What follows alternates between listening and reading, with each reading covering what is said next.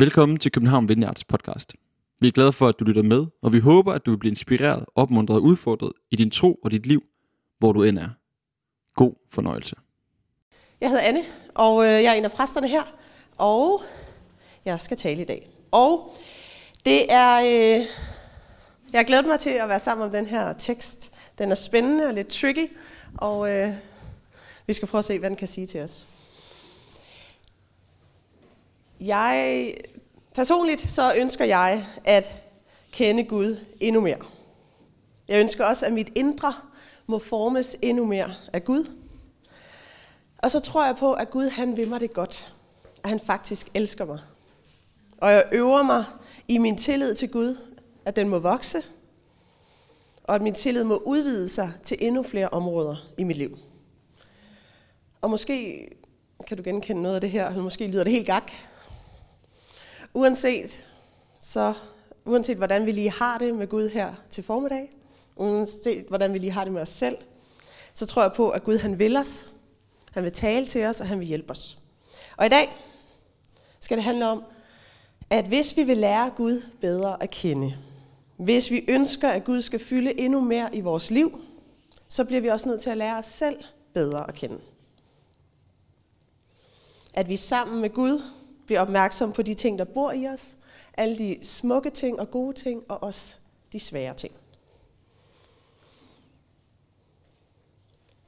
Og øh, jeg har bare noget, når jeg er gået og tænkt på det her til i dag, så har jeg bare lyst til at understrege, at det med, når vi lærer os selv bedre at kende i samspillet med Gud, så er det jo ikke, fordi vi skal gå i gang med en eller anden navlepilleri, og vi skal blive sådan selvoptaget, det som Søren Kierkegaard også kalder indkroget i os selv. Men det er sammen med Gud, vi lærer os selv bedre at kende. Det er en livslang proces, hvor vi bruger lige så meget tid på at se på Gud, som vi bruger på at se på os selv. Og det kan være, at du synes, at du egentlig har sådan okay styr på dit eget liv. Du har styr på dig selv, du kender dig selv. Og det øh, er dejligt, og det kan der jo også være noget hvile i, og det kan også være noget sandhed i. Men, som vi skal kigge på i dag, så kalder Jesus os igen og igen og igen og igen til at følge ham. Med hele os. Han kalder os ud af vores issues og de riller, som vi hele tiden lander i. Og han kalder os ind i sandhedens smukke, friske lys. Og det er det, vi skal kigge på i dag. Så teksten, vi skal læse, er fra Markus evangeliet. Markus evangeliet, det er det korteste evangelie, det er det skarpeste, det er fakta, ding, ding, ding. Værsgo, videre. Det er som om, den tager os fat i kraven og siger, forstår du, hvem Jesus er? Forstår du, hvem du selv er? Godt, afsted. Sådan har jeg en følelse af, når jeg læser Markus. Det kan du prøve at se, om du har det samme. Nå, vi skal læse fra Markus 10. Og det er historien om den rige unge mand.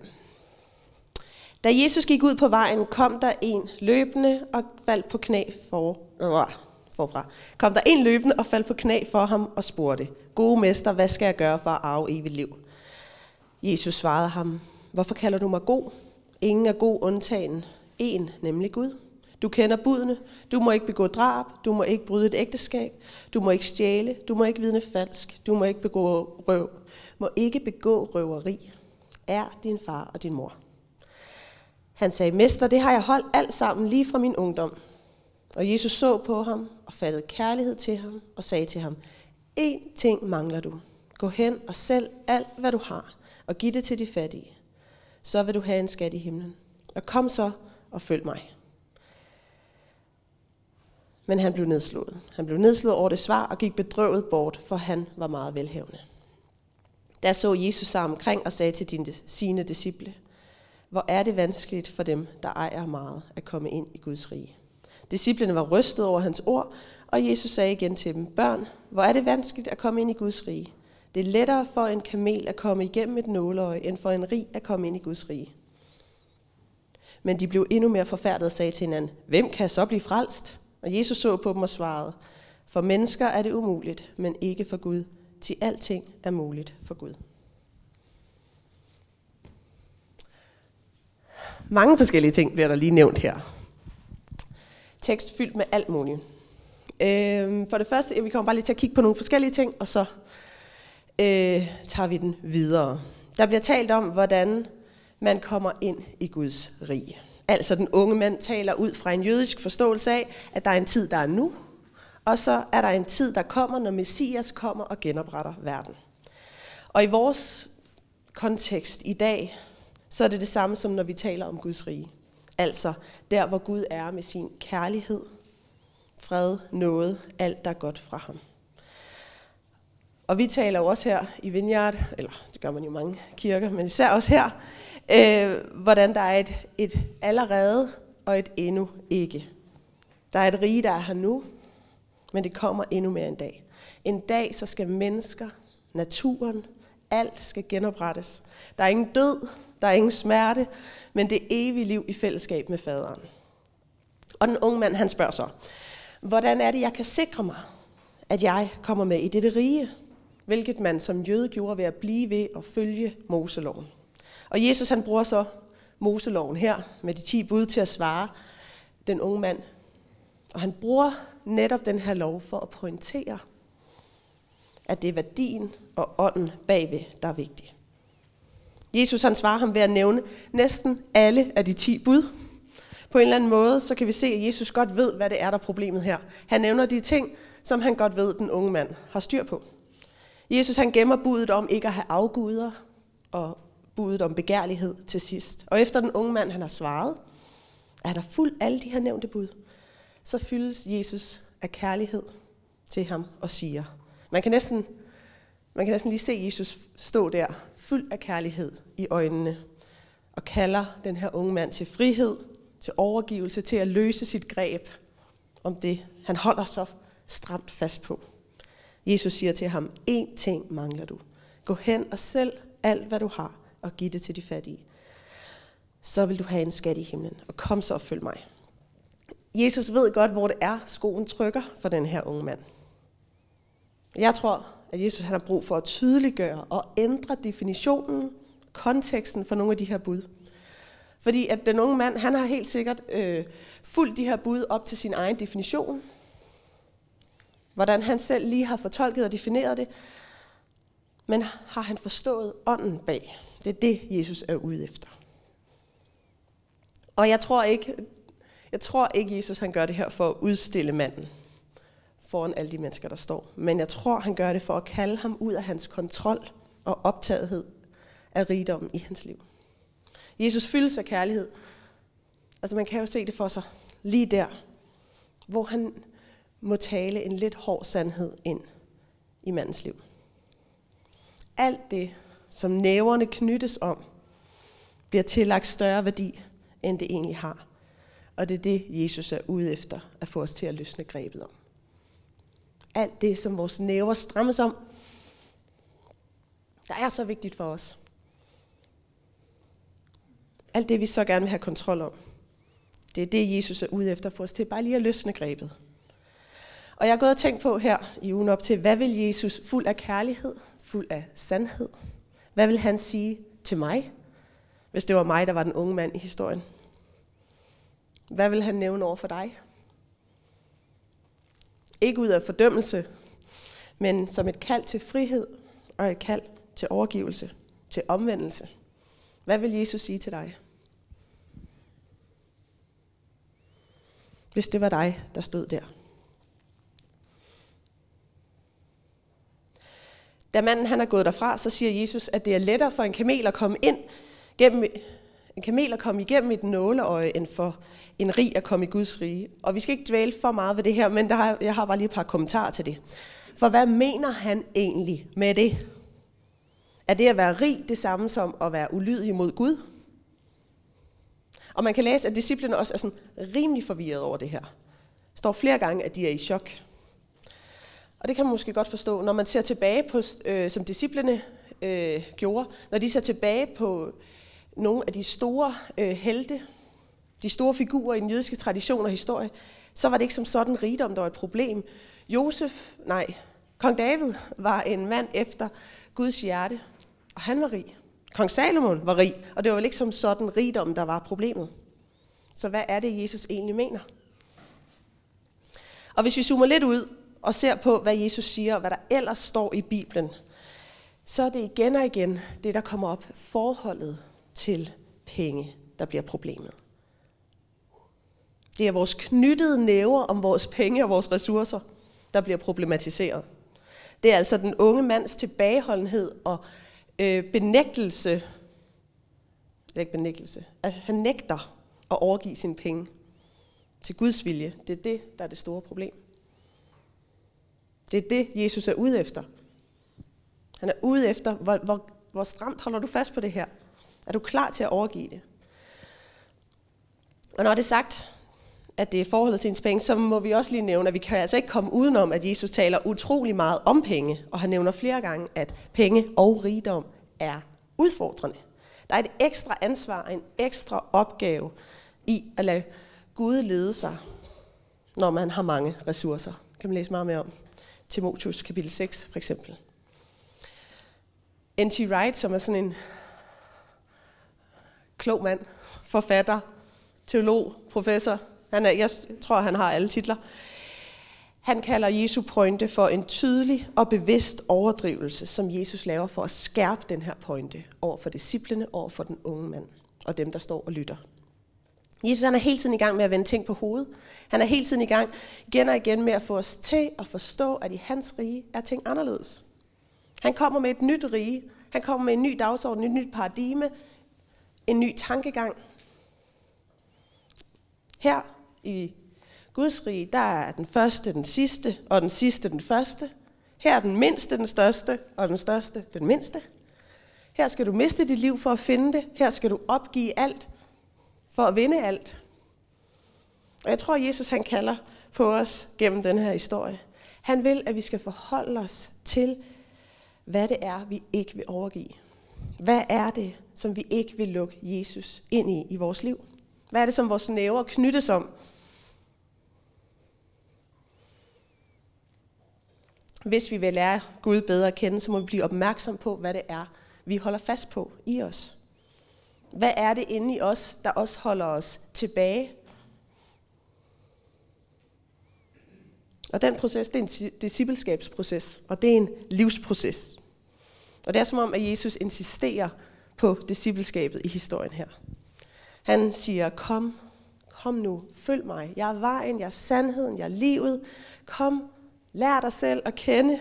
Lad mig hjælpe dig til at blive opmærksom på dine skyggesider i livet. De ting, der har deres greb om dig. Hjælp, lad mig hjælpe dig til at blive fri for det. Lad mig hjælpe dig til at komme af med de forsvarsmekanismer, der hele tiden blokerer for kærligheden og ærligheden hos dig selv og i dine relationer. Vi kan ikke, vi kan ikke komme uden om Jesu kald til os. Det kald, der lyder gennem evangeliet, øh, alle evangelierne i Bibelen, gennem generationer, gennem historien. Kom og følg mig. Kom, tag dit kors op og følg mig. Bekend dine sønder. Få hjælp til at blive opmærksom på strategier i livet, der faktisk ikke er hjælpsomme. Lær at se dit sande jeg. Få øjnene op for det, hvor du ligger din tillid, din skatte og din tryghed steder, som ikke er hos Gud. Det her kom og følg mig, det ekkoer ned gennem historien, gennem alle tider. Og vi må forholde os til spørgsmålet, og vi må forholde os til vores svar. Hvad vil Jesus nævne i kærlighed, i omsorg over for dig? Hvis du var manden her i den her historie, hvilket område i dit liv er det, som du har brug for at følge Jesus mere i? Hvad er det for et område i dit liv, hvor du har brug for at løsne grebet? Om hvad knyttes dine næver?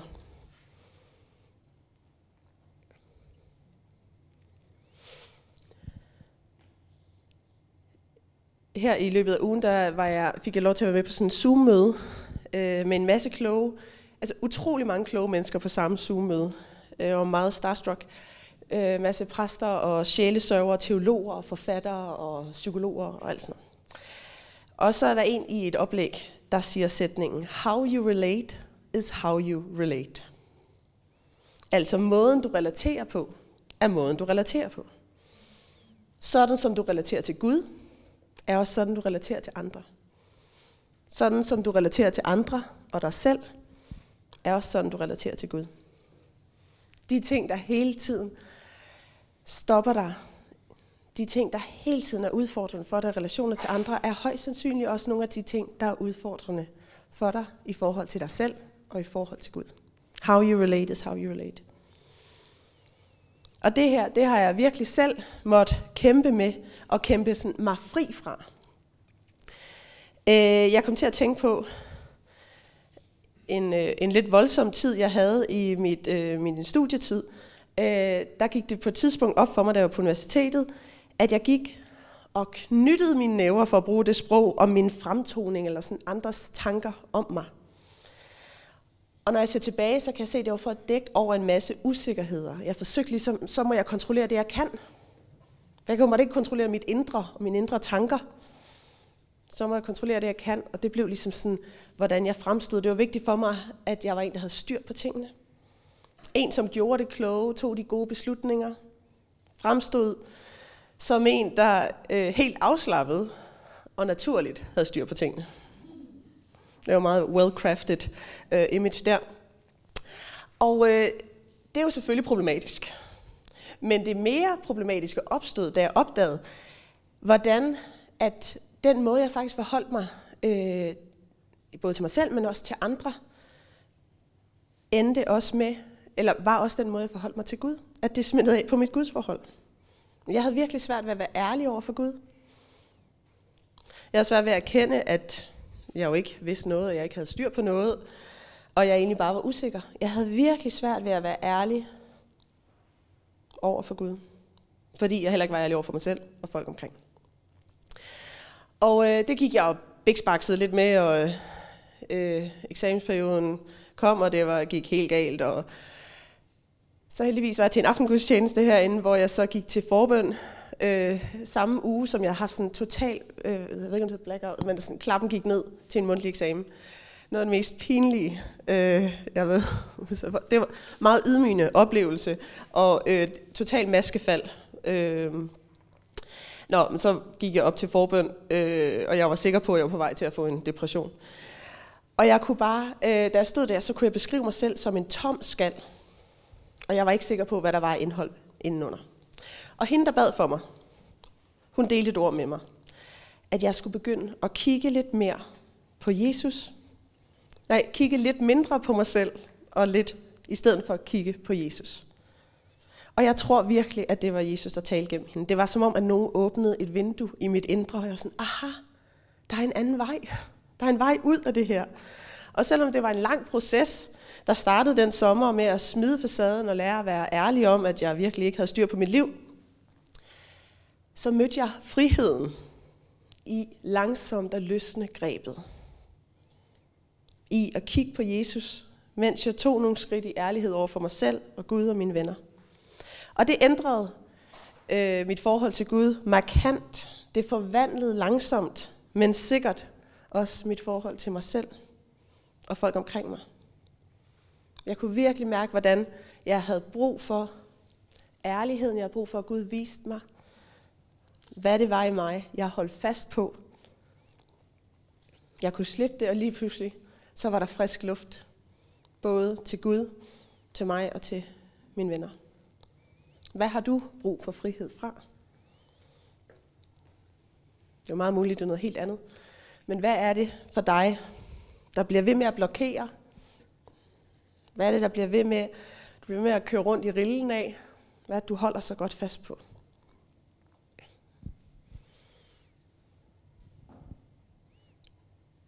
Og vi skal have et citat her fra David Benner,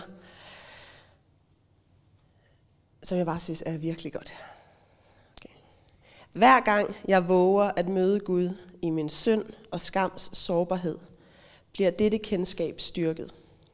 Hver gang jeg prøver at forskynde mig selv og vise Gud min bedste side, bliver kendskabet svækket. Jeg lærer kun Guds betingeløse, radikale og enorme kærlighed til mig at kende, når jeg våger at nærme mig ham, præcis som jeg er. Jo mere jeg har mod til at nærme mig Gud ud fra dette svage udgangspunkt, jo mere vil jeg også forstå, at jeg virkelig er dybt elsket af Gud.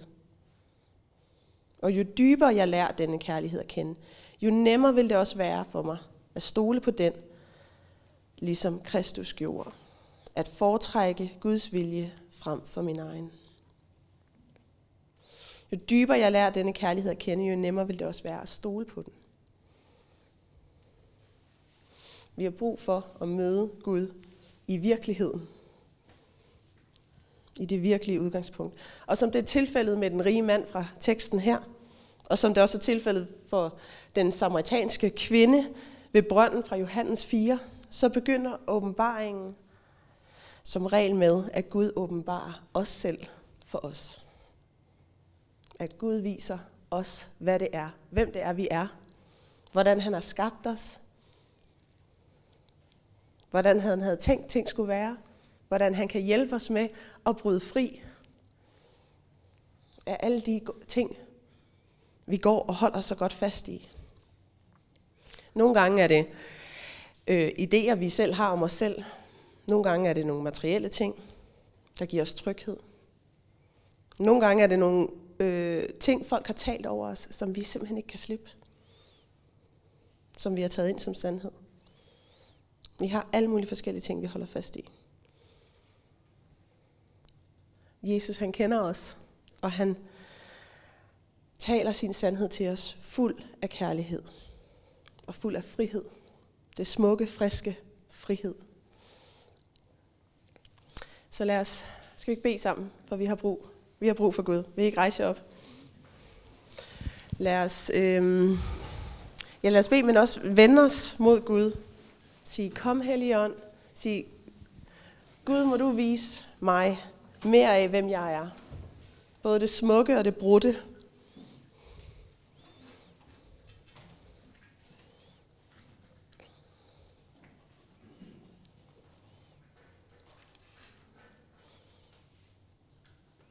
Og nogle gange kan vi godt snakke om det her med at give, ting, give slip på ting, og det er jo ikke fordi, at bare fordi noget, der betyder noget for os, så må vi ikke holde fast på det.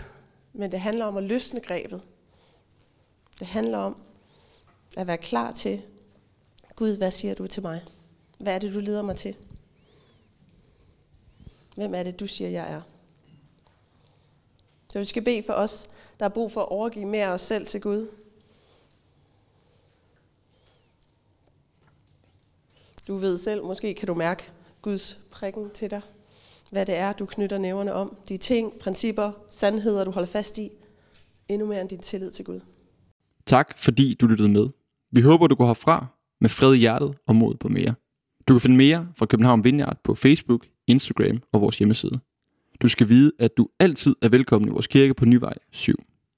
God dag.